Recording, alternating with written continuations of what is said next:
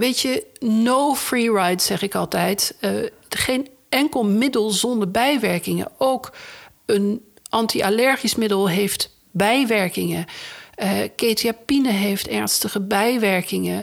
En een antidepressief middel gebruiken om te slapen heeft bijwerkingen. Welkom bij de podcastserie De Macht van de Benzo's. Het audioplatform voor eerlijke, directe en persoonlijke discussies over slaap- en kalmeringsmiddelen. In deze podcastserie neem ik, François Mettertreiner, je mee naar de grillige wereld van de benzodiazepines. Ik ga op onderzoek naar de macht van de benzo's over voorschrijvers en gebruikers. Hiervoor ga ik in gesprek met artsen, zorgverleners, wetenschappers, verslaafden en ervaringsdeskundigen. Want hoe kan het dat anno 2022 de benzo's nog altijd de meest voorgeschreven slaap- en kalmeringsmiddelen zijn?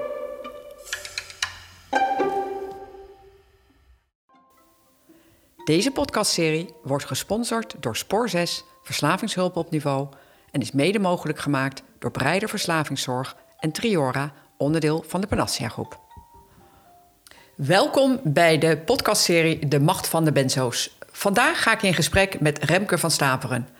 Remke is psychiater bij Buurtzorg T in Amsterdam. Na haar studie geneeskunde werd ze eerst huisarts en later psychiater. Ze zet zich al jaren in voor een betere, meer herstelondersteunende GGZ, onder andere voor het schrijven, door het schrijven van boeken als Patiëntgericht communiceren, Hart voor de GGZ en Herstel in de Pocket. Haar nieuwste boek is getiteld Minder slikken. Welkom, uh, Remke. Dankjewel, Françoise. Minder slikken. Het eerste boek dat ik gelezen heb, dat ik eigenlijk een soort één adem uitlas. En ik denk omdat het in zo'n duidelijke, heldere Jip Janneke taal is geschreven. En dat leest makkelijk. Um, ik, ik, begrijp nu pas ook eigenlijk hoe, hoe ik destijds had moeten afbouwen. Want er is zo weinig over uh, bekend.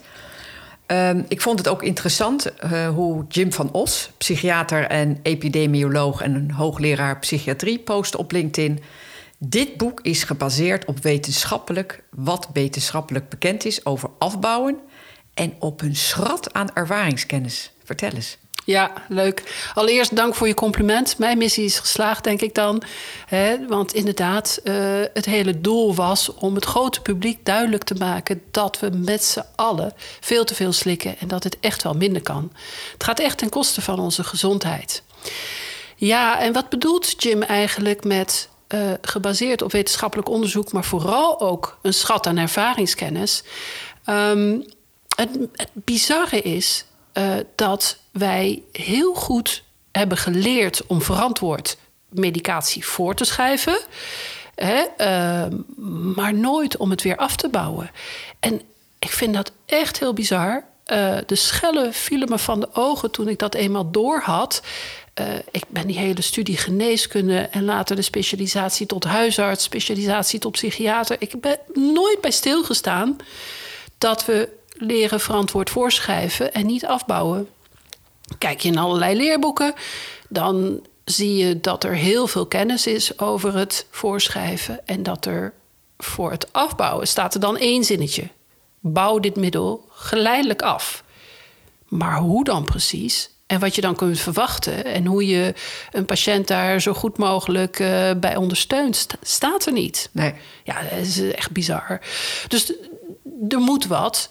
Uh, en dat, gelukkig gebeurt dat nu ook. Hè? Dus er zijn ook in Nederland een aantal onderzoeken op dit moment. Maar er is wel heel veel kennis. En die kennis die is online. Over de hele wereld zijn mensen dan maar zelf aan het afbouwen. En die delen hun ervaringen online. Dus die kennis is heel erg gedemocratiseerd, denk ik dan. Uh, als je de moeite neemt om al die verhalen te lezen, dan komen daar een aantal consistente adviezen uit. Die heb ik verzameld en die lees je ook terug in het boek. Ja, Maar hoe is het dan mogelijk eigenlijk nu? Ehm, ik, ik vind het ook mooi uitgelegd, zoals jij zegt, die kennis is gedemocratiseerd. Ja, ja. Ehm, dat is waarschijnlijk ook een van de redenen waarom ik deze podcast maak. Om, om inderdaad nog meer eh, kennis eigenlijk te spreiden over. En we hebben het hier natuurlijk met name over de benzodiazepines omdat ik natuurlijk dagelijks nu mails van mensen krijg die, die inderdaad radeloos zijn, die, die geen hulp vinden in hoe ze nou moeten afbouwen. En Ehm, ik krijg echt verhalen dat ik soms denk van... hè, hoe is dat mogelijk? Zelfs in verslavingsklinieken... dat mensen gewoon standaard protocol volgen van... nou, na drie weken moet je er maar af zijn. Want vertel eens, deze podcast gaat over de macht van de benzo's. Wat is jouw ervaring? Hoe kijk jij tegen de benzodiazepines aan? Ja, eigenlijk zoals alle medicijnen voor de geest, psychofarmaca... Uh, er zijn natuurlijk voordelen en er zijn nadelen. Um, en als je in crisis bent, dan is het fantastisch dat er een middel is wat jou vrij snel rust geeft, wat je een paar uur kan doen slapen. Dus het is geweldig dat de benzodiazepines er zijn, als we er maar zo nodig sporadisch gebruik van maken. En, en benzodiazepines zijn maar dat weet iedereen die deze podcast beluistert. Ze zijn hartstikke verslavend. Dus je moet ze zeker niet langer dan twee aaneengesloten weken gebruiken, want dan ben je verslaafd. Um, maar uh, ja, het, het, het, is natuurlijk uh, fantastisch dat ze er zijn.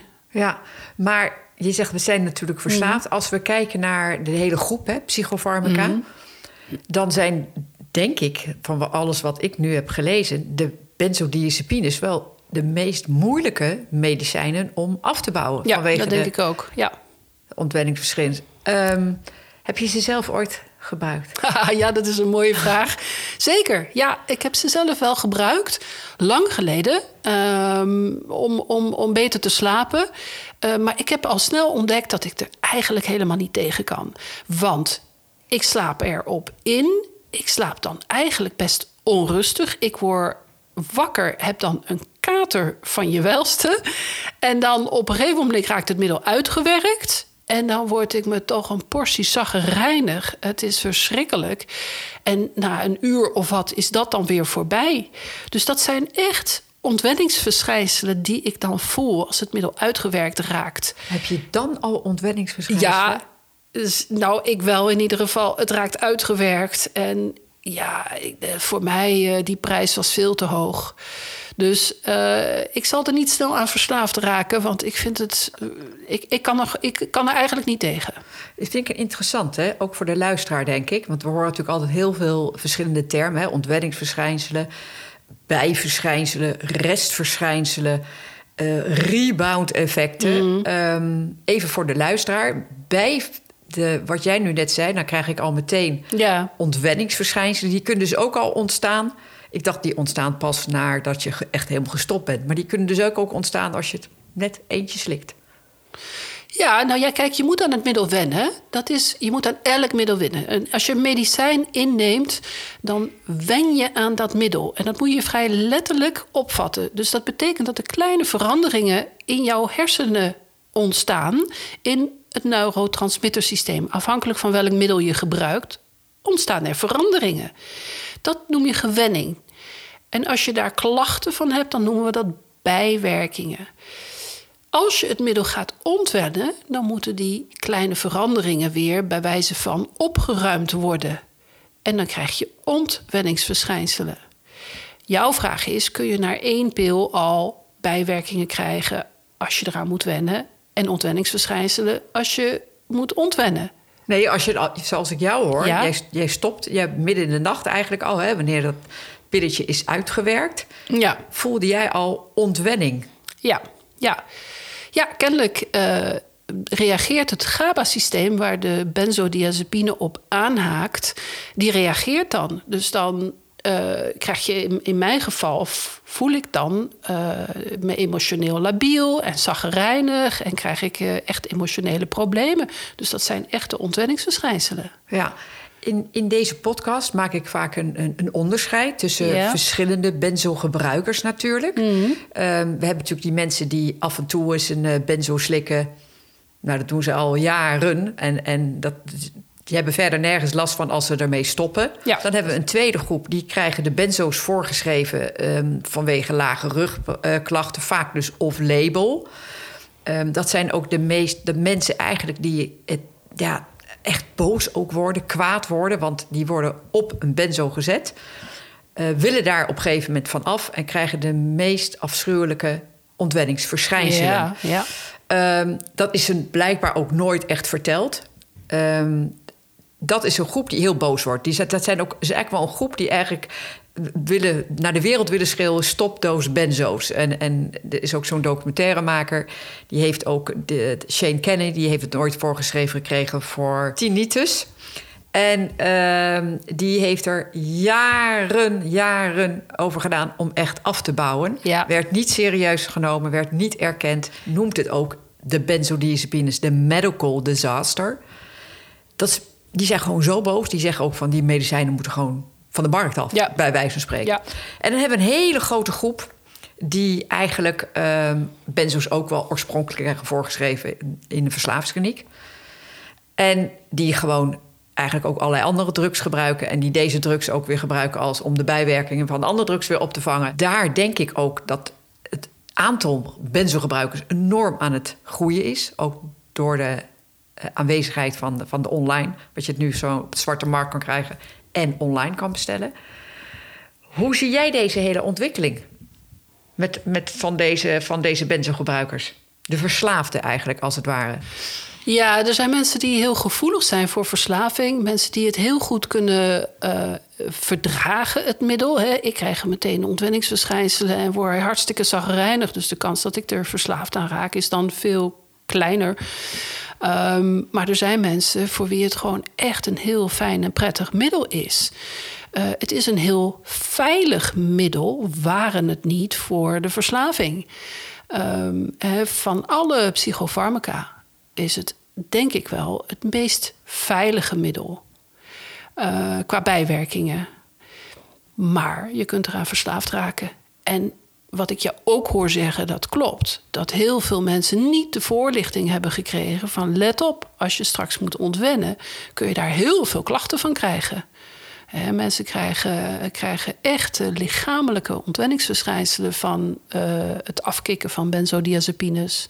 Maar hoe komt het dat die kennis dus Ja. nog niet overal aanwezig is? Ja. Anno 2023 zitten we inmiddels vandaag.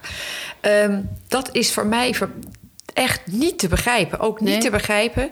Ik hoor verhalen van mensen die dus in de verslavingskliniek... inderdaad benzo's voorgeschreven krijgen. Eh, en dan ook maar gewoon dat men gewoon echt letterlijk zegt... drie weken en dan moet je er ook maar gewoon vanaf zijn. Dat, dat geloof je gewoon niet. Nee, nee, maar dat zeg ik. Het is bizar. We weten heel weinig van eh, het weer afbouwen van, eh, van medicijnen. Dat, Ja. dat, dat weten we eigenlijk niet. En ontwenningsverschijnselen, wat je niet kent, zie je niet dan kennelijk. Eh, het is pas sinds kort dat we weten dat de helft van de mensen echt wel ernstige ontwenningsverschijnselen krijgen. Ja. En hoe we die kunnen voorkomen, zo Ja. goed mogelijk. Ja. Dus allemaal nieuwe kennis. En eerlijk gezegd is die kennis vooral opgedaan do- door mensen die ervaring hebben met de middelen. Ja, absoluut. Mijn vorige gast, Noah van Hagen, een jong volwassen vrouw van 22, vertelde mij ook dat binnen de jeugd GGZ kinderen benzo's voorgeschreven krijgen. Eh, zij vertelde mij dat ze daar echt letterlijk honderden kinderen heeft zien gek worden op de benzo's. Is dat waar? Ja, wat zal ik zeggen? Het is waar.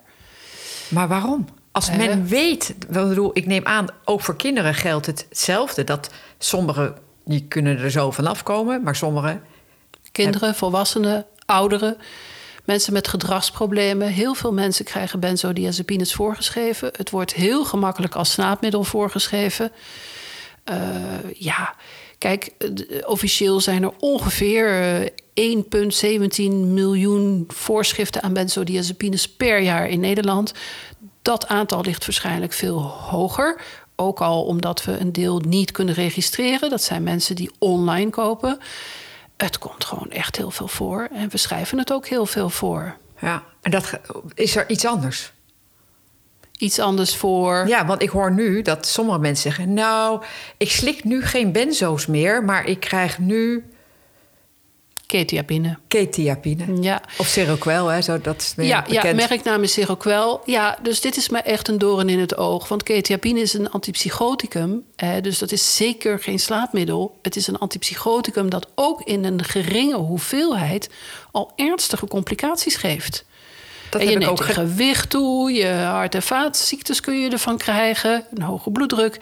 Het is echt een verschrikkelijk middel. Maar hoe kan het dan Mm. dat artsen dat dan maar gaan voorschrijven? Als mensen zeggen, ja, maar ik wil geen benzo's meer slikken. Dus dan wordt er eigenlijk het ene medicijn wordt dan maar weer Ja. vervangen voor het andere. Maar is het ook Ja. verslavend? Kijk, ketiapine is niet verslavend. Hè, waarbij verslavend betekent dat, je, eh, dat er gewenning optreedt... dat er lichamelijke afhankelijkheid optreedt... en dat je er steeds meer van nodig hebt voor hetzelfde effect. Dat is bij ketiapine niet zo. En wat mensen ook wel eens voorgeschreven krijgen als ze niet kunnen slapen, is bijvoorbeeld een middel als promethazine, wat eigenlijk een anti-allergisch middel is. Dus artsen zijn soms wanhopig, want die krijgen echt een heel dwingende vraag van help me, help me slapen. Ik kan niet slapen, ik word helemaal gek omdat ik niet kan slapen. Ik heb een slaappil nodig. Ze willen iemand niet aan de benzodiazepines zetten vanwege het risico op verslaving. En denken dan, nou, maar welk ander middel kan dan goed, wij noemen dat sederen, hè, slaperig maken. En dat is bijvoorbeeld een anti-allergisch middel, waarbij de bijwerking is dat je er slaperig van wordt. Of die ketiapine, word je heel slaperig van. Of een antidepressief middel, wat nogal slaperig maakt, die zijn er ook. Ehm, dus Meer Mirtazapine? Mirtazapine bijvoorbeeld. Nou, ja. Daar ging ik niet van slapen, daar ging ik van stuiteren. Ja, ja, ja, iedereen reageert ook weer anders. Maar de meeste mensen kunnen daar heel goed op slapen. Maar weet je, no free ride zeg ik altijd. Eh, geen enkel middel zonder bijwerkingen. Ook een anti-allergisch middel heeft bijwerkingen. Eh ketiapine heeft ernstige bijwerkingen. En een antidepressief middel gebruiken om te slapen heeft bijwerkingen. Ja. Ja, ik vond het ook mooi hoe, in, hoe Annemarie, eh jouw collega, een van jouw collega's in, in de podcast, eh, de psychiater doorgezaagd, ook zei van, ja, maar als het geen bijwerking heeft, dan, dan werkt eigenlijk ook zo'n medicijn niet. Nee, wij, wij kennen geen middel Nee, dat geen, geen middel dat geen bijwerkingen heeft, helaas. Want ja, dat zou fantastisch zijn natuurlijk als we dat hadden. ja, Ehm, maar Ja. dat, dat is er gewoon niet. nee, ik zeg altijd, je slikt ze gewoon niet ongestraft. Nee. Dat is het Dus het is helemaal. fantastisch in tijden van crisis. Je hoort me niet zeggen van je moet stoppen met slikken. Nee, absoluut niet. Je moet gewoon echt heel goed kijken wanneer heb ik het nodig. Ja. En dan werkt het als een tierenlier. Ook een benzodiazepine. En is dat de reden waarom jij hebt geschreven? Want mijn eerste indruk Mhm. was toen ik dit boek las, dacht ik minder slikken, veel minder. Waarom zet ze niet gewoon alleen slikken in case of, Ja. bijna als het ware? Ja, dat had natuurlijk, dat had natuurlijk ook gekund. Ehm, eh, want dat, zo is het. Hè. Je moet eigenlijk. Kijk, de stelregel is: slik zo min mogelijk, maar zoveel als je nodig hebt. Slik zo kort mogelijk, maar zo lang als je no- nodig hebt. Want je kunt hele ernstige psychische klachten hebben. Je kunt volledig in crisis raken. Soms ben je suicidaal en, en, en moet je er doorheen geholpen worden. En dan is het fantastisch dat er een medicijn is wat je doet slapen of wat je rust geeft of wat je ernstige psychose wegneemt. Dus ik ben heel erg blij als psychiater dat deze middelen er zijn en dat we iemand toch snel en krachtig kunnen helpen. En na de crisis moeten we eigenlijk eh, eh, toe naar minder gebruik. Dat betekent dat je mindert naar de laagste nog werkzame dosering. Hoe en eventueel je- stoppen. Ja. Maar hoe weet je nou, dat hoor ik je ook steeds zeggen en ook Mhm. schrijven, zoveel als nodig. Maar wie bepaalt dan zoveel als nodig? Ja, bedoel, als we kijken naar de praktijken van de benzo's, dan wordt er afschuwelijk veel eh, voorgeschreven en volledig gesedeerd eigenlijk, eh, alle mensen. Eh, nu we deze kennis wel hebben, wat is zoveel als nodig? Kijk, in het meest ideale geval bepaal je dat samen. Dus arts en cliënt samen en samen ook met iemand van de familie en naaste. En dat overleg je met elkaar. En ehm, bij de meeste middelen is het zo dat een, een arts of verpleegkundig specialist uh, de pro's en de tegens kan vertellen. dus wat, wat kan iemand verwachten van het middel en dat iemand uh, daarin een eigen beslissing neemt. Dat geldt ook voor de hoeveelheid. wij weten niet hoeveel iemand nodig heeft, dat is voor iedereen weer anders. Maar je hoort me zeggen dat geldt voor de meeste middelen. Gaat het om een verslavend middel, zoals benzodiazepines, ja, dan heeft de arts ook de opdracht om geen schade te doen. En, uh, en soms ook gewoon nee te zeggen. Uh, een verslavend middel betekent dat je er steeds meer van nodig hebt voor hetzelfde effect. Ja, dat, dat, dat als je ziet dat iemand daar aan verslaafd dreigt te raken, dan is het je opdracht, je taak als dokter om te zeggen: nee, maar dat, dat, dat gaan we niet doen. Je moet nu echt afbouwen, want je raakt eraan verslaafd. Ja. Ik denk dat met, als we het hebben dus inderdaad over de benzodiazepines, dan het moeilijke is daarbij is dat het ontwenningsproces daar zo grillig natuurlijk verloopt. Ja. Um, dus sommige mensen, je denkt op een gegeven moment, nou, nou is het klaar, dan ben ik er vanaf. En dan komt het weer terug. Klopt, ja. En dat zie je natuurlijk niet bij andere um, psychofarmaca, van, van zover ik weet. En dat maakt het denk ik ook zo ingewikkeld. Want ik krijg het ook vaak te horen dat gewoon zelfs verslavingsartsen tegen mij zeggen van... nou ja, nee, sommige mensen varen toch beter erop... want als ze ermee stoppen, dan worden ze weer veel zieker. En dan denk ik, ja, natuurlijk. Ik bedoel, als ik stop... Als, als alcoholisten stoppen met alcohol, dan voelen ze zich ook niet lekker. Hebben ze ook weer alcohol nodig. Ja. En, en mensen moeten natuurlijk toch door zo'n bepaalde ontwenningsproces ja, heen. Um, maar niemand heeft ze ooit verteld dat dat kan gebeuren. En dat maakt het zo ingewikkeld ook. Ja, hè? Ja. Want dan denken ze, ja, want hoe weet je nou, Remke, dat wat je voelt, hè, je krijgt allerlei lichamelijke klachten ook hè, als je af gaat bouwen. Hoe weet je nou of dat, van, of dat nou ontwenningsverschijnselen zijn of dat, dat je nou zelf eigenlijk misschien de griep krijgt? Want dat is best wel moeilijk. Ja, dat is heel moeilijk. Ja, het onderscheid tussen ontwenningsverschijnselen bij benzodiazepines en bijvoorbeeld de griep. Dat is best lastig. En wat dacht je van corona? We, zitten nog steeds in een corona-tijdperk. Um, en inderdaad, uh, ontwenningsverschijnselen bij benzodiazepines kunnen heel lichamelijk van aard zijn. Dus het is net alsof je griep krijgt. Ja, je weet het eigenlijk niet. Op een gegeven moment krijg je daar ervaring mee en dan denk je: oh ja, maar dit ken ik van de vorige keer dat ik iets omlaag ging met de dosering. En dan herken je dat wel. Uh, ik raad mensen ook altijd aan om die verschijnselen bij te houden. Hè, om een zelfmonitoringsformulier in te vullen bij het afbouwen. Ja, dat heb je ook weer heel mooi gedaan in je boek, hè? Al, je hebt allemaal voorbeeld, zeg maar, uh, uh, ja, time schedules gegeven, activiteitenlijsten. Dat je heel precies gaat bijhouden, elk moment, eigenlijk bepaalde momenten op de dag. Wat de verschijnselen, wat je voelde, hoe je dacht. Ja, want op een gegeven moment leer je dat herkennen. dus eh, zo'n zo'n lijst, zo'n zelfmonitoringslijst helpt om uh, je bewust te worden van wat je precies voelt. Dat onder woorden te brengen, dat aan te kruisen. En dan weet je, haha. Dus de volgende keer dat ik weer met de dosering omlaag ga, ja, dan ga ik dat weer ervaren. Ja, maar die laatste dosering is echt wel bij, zie je het laatste staartje is Venijn zit hem in de staart. Dat geldt voor alle psychofarmaca, dus ook antidepressiva en dergelijke. Maar dat geldt vooral voor benzodiazepines. Dit is het aller, aller, aller moeilijkst. Daar haken mensen echt op af. En zijn ze er eenmaal van af, dan kunnen ze nog een week later weer ontwenningsverschijnselen krijgen. En dit moeten mensen echt weten. Want het is echt een kwestie van doorzetten.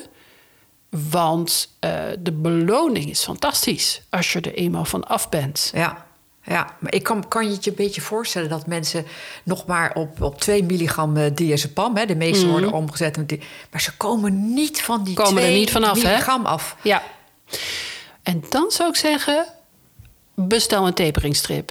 Een taperingstrip is een medicatierol waarbij je op dag 1 die 2 milligram nog slikt, maar 28 dagen later, hè, met elke dag heel klein beetje, minuscuul klein beetje minder. En op de 28ste dag zit je op nul. En dat gaat zo geleidelijk dat maar, je. Hoe werkt dat dan? Ik bedoel, het is één tablet, zo'n zo'n 2 milligram. Wordt die dan helemaal verpulverd? Ja, nou, dat, dat maakt een apotheker op maat voor jou. Dus je zegt van, nou, ik begin met diazepam 2 milligram op dag 1.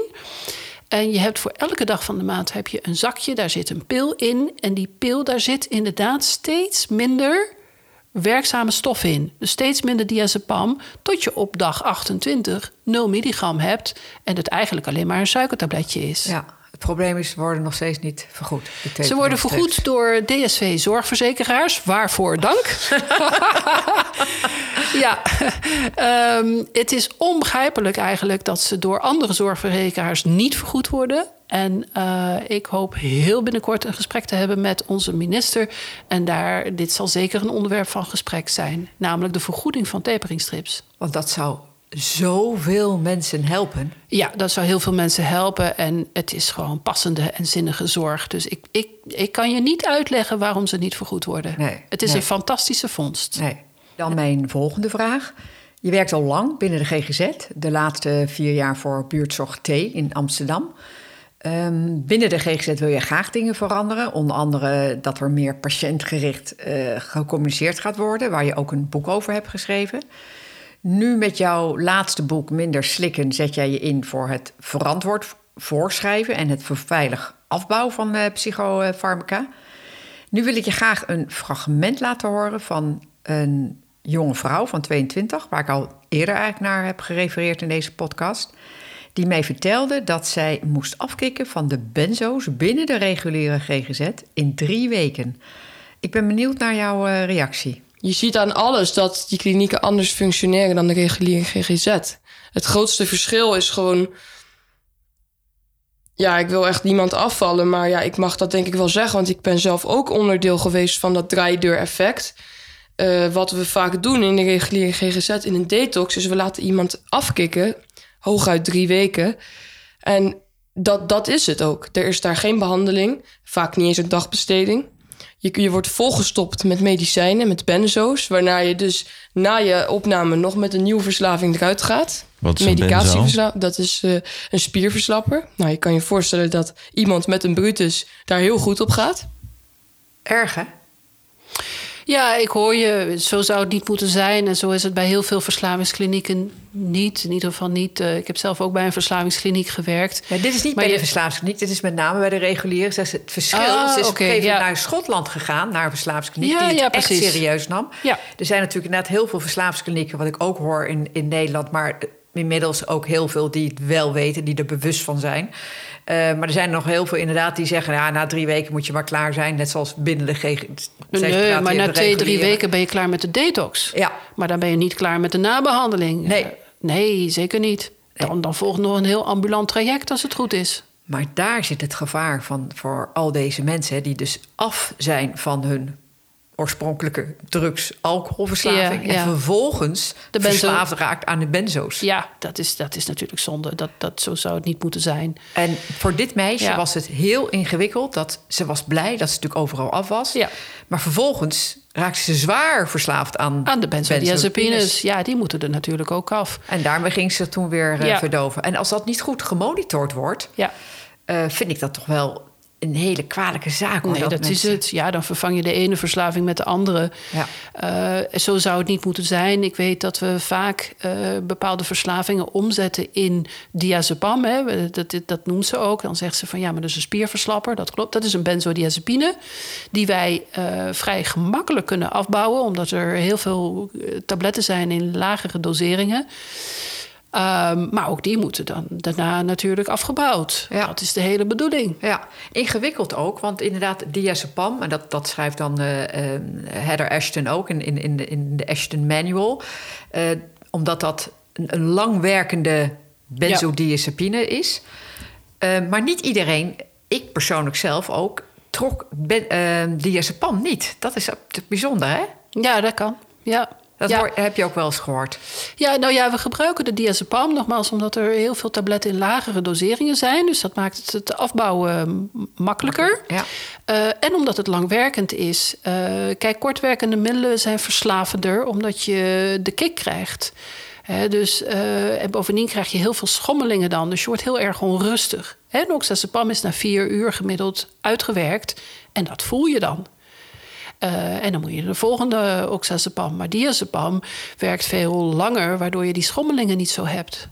Dus dat is de Ah. reden waarom we dat gebruiken om mensen te helpen bij het afbouwen. En jij hebt dat ook in je boek, dat heb ik ook nooit begrepen, Mhm. over kortdurende benzodiazepines en langdurende eigenlijk. Ja. En dus eigenlijk, wat, als ik het goed begrijp, wat jij zegt, is langdurende zijn dan makkelijker te gebruiken als je op een gegeven moment wil gaan afbouwen. Klopt. Ja, ja het zijn minder verslavend. Uh, zijn ook verslavend, hè, dus begrijp me niet verkeerd. Uh, maar zijn minder verslavend en dus makkelijker inderdaad voor het afbouwen. Ja. Jij hebt zelf wel eens een, eh, een, een benzo uh, gebruikt. Dat, dat, dat, nou, dat, daar ging je niet echt goed op. Nee. Heb je wel eens andere psychofarmaca zelf gebruikt? Ja, nou vrij recent. Um, een jaar of twee geleden, echt in de coronatijd, uh, kreeg ik deze. Ik ben nogal gevoelig voor stemmingen, maar meestal word ik wat somber. Dit keer werd ik heel angstig. Dat was nieuw voor mij. Ik werd echt extreem angstig. En uh, ja, dat, dat, dat, dat was wel een hele nare ervaring. En toen heb ik op een gegeven ogenblik, toen het niet overging, dacht ik van ik, ik moet wat, want ik werkte ook toch wel door. Er zijn zo weinig psychiaters. Als je uitvalt als psychiater, ja, dan is er ook niemand om je te vervangen. Dat is wel al lastig iets, vind ik. Dus op een gegeven moment dacht ik, nou, ik, ik uh, ga toch uh, een antidepressief uh, middel proberen. want dat werkt heel goed op angst. En dat deed het ook. Ik ben er echt heel goed mee geholpen met een geringe hoeveelheid escitalopram. Uh, dus dat werkte echt heel fijn en dat heeft me een paar maanden er, er echt bovenop geholpen.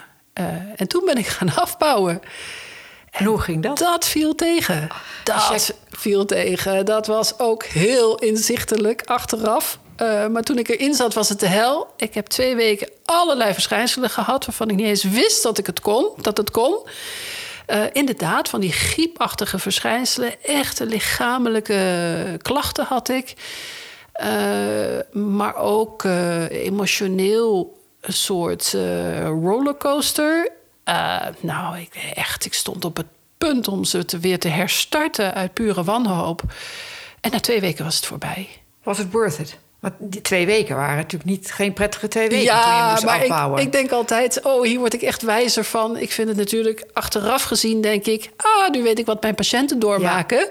Dus dat vind ik uh, de, de, absoluut de moeite waard. En, en, en het heeft me goed geholpen. Ja. Dus het was heel inzichtelijk. Ja, uh, want jij ja. schrijft ook in je boek op een gegeven moment je hebt ze dus nodig, dat is sowieso. Want je zegt, weet je, we kunnen niet zonder de psychofarmaca. Ze kunnen echt helpend zijn. Ja, ja. Uh, als ze mits ze maar ook echt tijdelijk ingezet worden. Soms kunnen ze net dat ruggensteuntje geven om iemand door een bepaalde crisis heen te helpen. Ja. Zeker, zeker. Ja.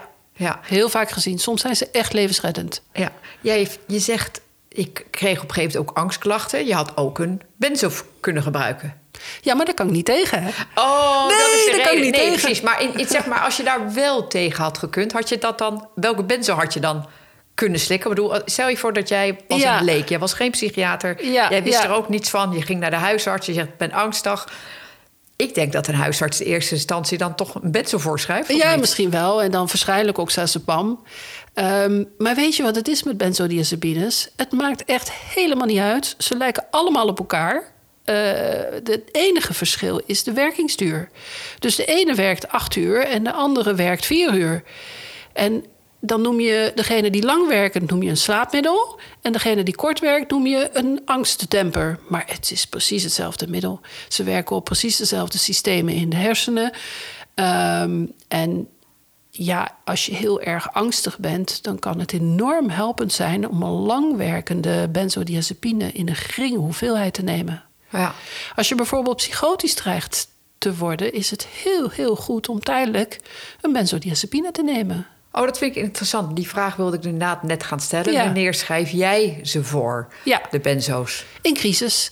Ehm, dus in crisis, dus als iemand echt geen oog dicht doet, eh, psychotisch dreigt te raken of suicidaal is of zo ernstig depressief of weet je, als iemand echt wanhopig is, ja, maar dan, maar dan, dan krijgen ze tijdelijk benzodiazepines om het ergste leed te verzachten, zodat je echt met iemand ook in gesprek raakt van, nou ja, wat is er verder nodig?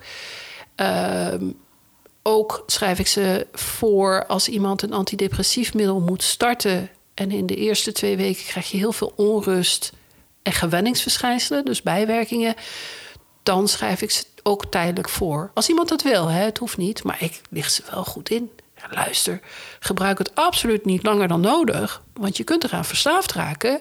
En er vanaf komen is soms echt uh, pure hel. Ja, je zegt slik ze absoluut niet langer dan nodig, maar eigenlijk is het bekend, slik ze gewoon niet langer dan twee weken. Twee aan één gesloten weken. dus je kan ze wel wat langer slikken als je bijvoorbeeld uh, drie keer per week hooguit een benzodiazepine neemt. Ja. Dan raak je er niet zo makkelijk aan verslaafd. En nogmaals, ze zijn veilig. Het is een veilig middel. Ze hebben echt geen andere ernstige bijwerkingen. Dan zou ik zeggen, nou, dan, dan, dan zijn het fantastische middelen. Ja, ja, maar nu hoor ik jou ook zeggen, en dit hoor ik ook weer heel vaak. Uh, als iemand dus begint met een antidepressivum, dan uh, de eerste twee weken is moeilijk. Dus dan krijg je er ook een benzo bij. Uh, ik zie eigenlijk, dat noemen jullie dan zo mooi, hè, polyfarmacie, mm. dat er echt heel veel benzo's, nou ja, ook antipsychotica's, antidepressiva's worden voorgeschreven in allerlei combinaties. Want dan krijgen ze, dan slikken ze er één, dan krijgen ze allerlei verschijnselen. Nou, dan krijgen ze weer een andere voorgeschreven om die verschijnselen weer op te vangen. Herken je dat ook? Ja, het is verschrikkelijk. Mensen komen bij me met hele lange lijsten. Maar dat komt omdat we wel voorschrijven, maar dan vervolgens vergeten af te bouwen. Heel veel middelen kunnen natuurlijk gewoon afgebouwd. Neem inderdaad een middel tegen bijwerkingen. Ja. Dus stel je stikt een antipsychoticum en je krijgt daarvan bijwerkingen, dan staat er in de richtlijn dat de dosering omlaag moet. Maar dat duurt een tijdje voordat die bijwerkingen weg zijn.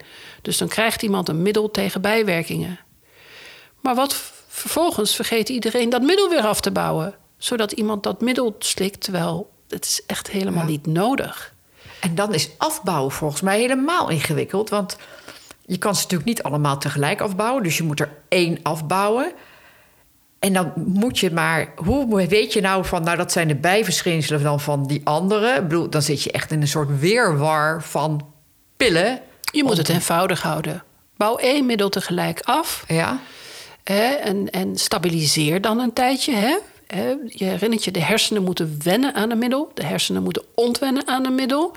Dus de hersenen hebben even tijd nodig als je eentje afbouwt. Dat noem je stabiliseren. Dus je houdt het eenvoudig. Je begint met een middel waar je heel veel last van hebt of wat er eigenlijk wel af kan. er zijn natuurlijk bepaalde, bepaalde dingen. Waarom zou je meer dan twee benzodiazepines slikken, bijvoorbeeld? Nee, dan kan er eentje af. Ja. Waarom zou je een middel slikken tegen bijwerkingen van een ander middel? Want dan moet de dosering van dat andere middel eigenlijk omlaag. Dus dat kan dat middel tegen bijwerkingen er eraf. Ja. En waarom wordt er dan toch nog, nu we dit weten... Ja. ja daarvoor heb je dit boek ook mm. geschreven. Waarom wordt, worden ze toch heel, in mijn beleving... heel gemakkelijk voorgeschreven? En dan heb ik het niet alleen over door de huisartsen... maar ook binnen de GGZ, binnen de verslavingszorgklinieken dat vind ik, voor, voor mij is dat nog steeds niet te begrijpen. Dan hebben we het over de benzodiazepines. Hè? Ja? ja, die vraag is soms zo dwingend van iedereen. Van ik kan niet slapen. Mensen komen bij me en zeggen, ja, ik kan niet slapen dokter. En dan kijken ze me met grote ogen aan. En dan verwachten ze echt dat, dat ik ga, oh, dan krijg je hier een slaapmiddel. Terwijl, waarom kun je niet slapen? Hoe zit dat dan? Hoeveel uur slaap je dan? Heb je nachtmerries? Uh, zijn er bepaalde dingen waar je over gespannen bent? Uh, en we moeten af van de slaapmiddelen überhaupt. Want, en ik weet niet of je dat in je andere podcasts uh, ook hebt behandeld, maar benzodiazepines geven je wel meer uur slaap, maar een veel mindere kwaliteit. Want ze zorgen ervoor dat er veel minder remslaap is. Dus je krijgt wel meer uren, maar kwalitatief minder goede slaapuren. Je, je, je raakt niet uitgerust door een slaappil. Ik ben heel blij dat jij dit nu even heel goed uitlegt. Dat hebben we nog niet, heb ik nog niet eerder in een, in een podcast gehoord. Dat dus vandaar dat ik ook inderdaad een van die vragen was: hoe werkt dat nou ook precies? En dat leg jij natuurlijk nu, dat is denk ik het allerbelangrijkste voor de luisteraars om te weten. Dat inderdaad, je komt niet in de remslaap. En daarom raak je op een gegeven moment, en dat heb ik bij mijzelf natuurlijk mm. ook gemerkt, na jaren volledig uitgeput. Ja. Ik was chronisch moe. Ja, jaren van geen goede diepe slaap. Die diepe slaap die heb je met remslaap. En dat heb je onvoldoende met, een- met een slaappil. Ik, ik, ik denk eigenlijk dat we er vanaf moeten. Behalve dus wat ik je zei, in tijden van crisis... dan is het fantastisch dat ze er zijn. Ja. Maar als slaappil, zeker als vaste slaappil... daar moeten we echt van af. En we moeten toe naar, eh, ja, naar mediteren. Hè? Liever meditatie dan Ja. medicatie, denk Ja. ik dan. Eh, wij moeten toe naar bijvoorbeeld cognitieve therapie tegen slapeloosheid. Dat werkt heel goed, veel beter dan slaappillen. En we moeten af van ik kan niet slapen en gebruik dus een pil. Daar moeten we echt van af. Nou kan ik me wel voorstellen, misschien als je gaat vliegen... of als je jetlag hebt... of Ja, af en toe zo nodig. in een bepaalde Ja. crisis dat je... Nou ja, ik kan me voorstellen dat mensen die in, in rouw zitten... Die, of een, Precies. dan, dan kan ik me ook nog iets voorstellen dat je Precies. denkt... nou, ik ga het een paar eh, dagen slikken en dan... maar dan is het ook echt wel dat, je, dat ze weten van... jongens, niet elke dag, niet langer dan twee weken. Ja. ja, je kunt het ook vergelijken met een glas alcohol. Als je dat eh, elke dag doet voor het slapen gaan... ja, dan is dat ook niet oké. Nee, Eh, maar als je af en toe een goed glas alcohol drinkt... dat is natuurlijk een genot. ja, ja, absoluut. We zijn bijna door onze tijd heen. Ik stel altijd als laatste vraag... gaan we die macht van de benzo's ooit nog doorbreken? Ehm, wat zou jouw antwoord hierop zijn? Ik zou heel graag antwoorden dat ik dat geloof en dat we dat gaan doen. Eh, ik denk wel dat het een, een hele harde dobber wordt. Het is heel verleidelijk. Hè. deze pil werkt voor veel mensen zo goed, zo snel, zo fijn... dat ja, de macht van de benzo's... Ik hoop dat we er veel meer verantwoord mee om kunnen gaan. En minder. Vooral minder slikken. En minder voorschrijven. Minder, minder vaak. slikken begint bij minder voorschrijven. Ja. En dat begint weer met het besef dat je voor gewone dingen, voor slaap bijvoorbeeld, eigenlijk geen slaappil moet gebruiken. Ik wil je heel hartelijk bedanken, Remke. Dankjewel, Françoise. Fijn om hier te zijn. Het boek, dan pak ik het er even gelijk weer eventjes bij. Minder slikken. Ehm, het liefst natuurlijk afbouwen samen met je arts. Maar eigenlijk, als, ik dit, als je dit boek leest, kan je dat ook gewoon zelf. Ja, veel artsen weten niet precies hoe ze moeten, verantwoord moeten afbouwen. Met het boek heb je eigenlijk, soms heb je gewoon meer kennis dan je eigen dokter. Ja. Ja. En gelukkig overal verkrijgbaar. Bruna heb ik het gezien. Bij Los in Bussum heb ik het gezien. En natuurlijk overal online via bol.com. Remke, nogmaals heel hartelijk dank. Je luistert naar de podcast De Macht van de Benzo's in gesprek met Remke van Staveren. Klik op de volgbutton, dan blijf je op de hoogte. Mijn volgende gast is Timo Eichholz, auteur van het boek Het verhaal achter mijn blauwe ogen. In deze podcast bespreken we zijn verslaving, onder andere aan de benzodiazepines.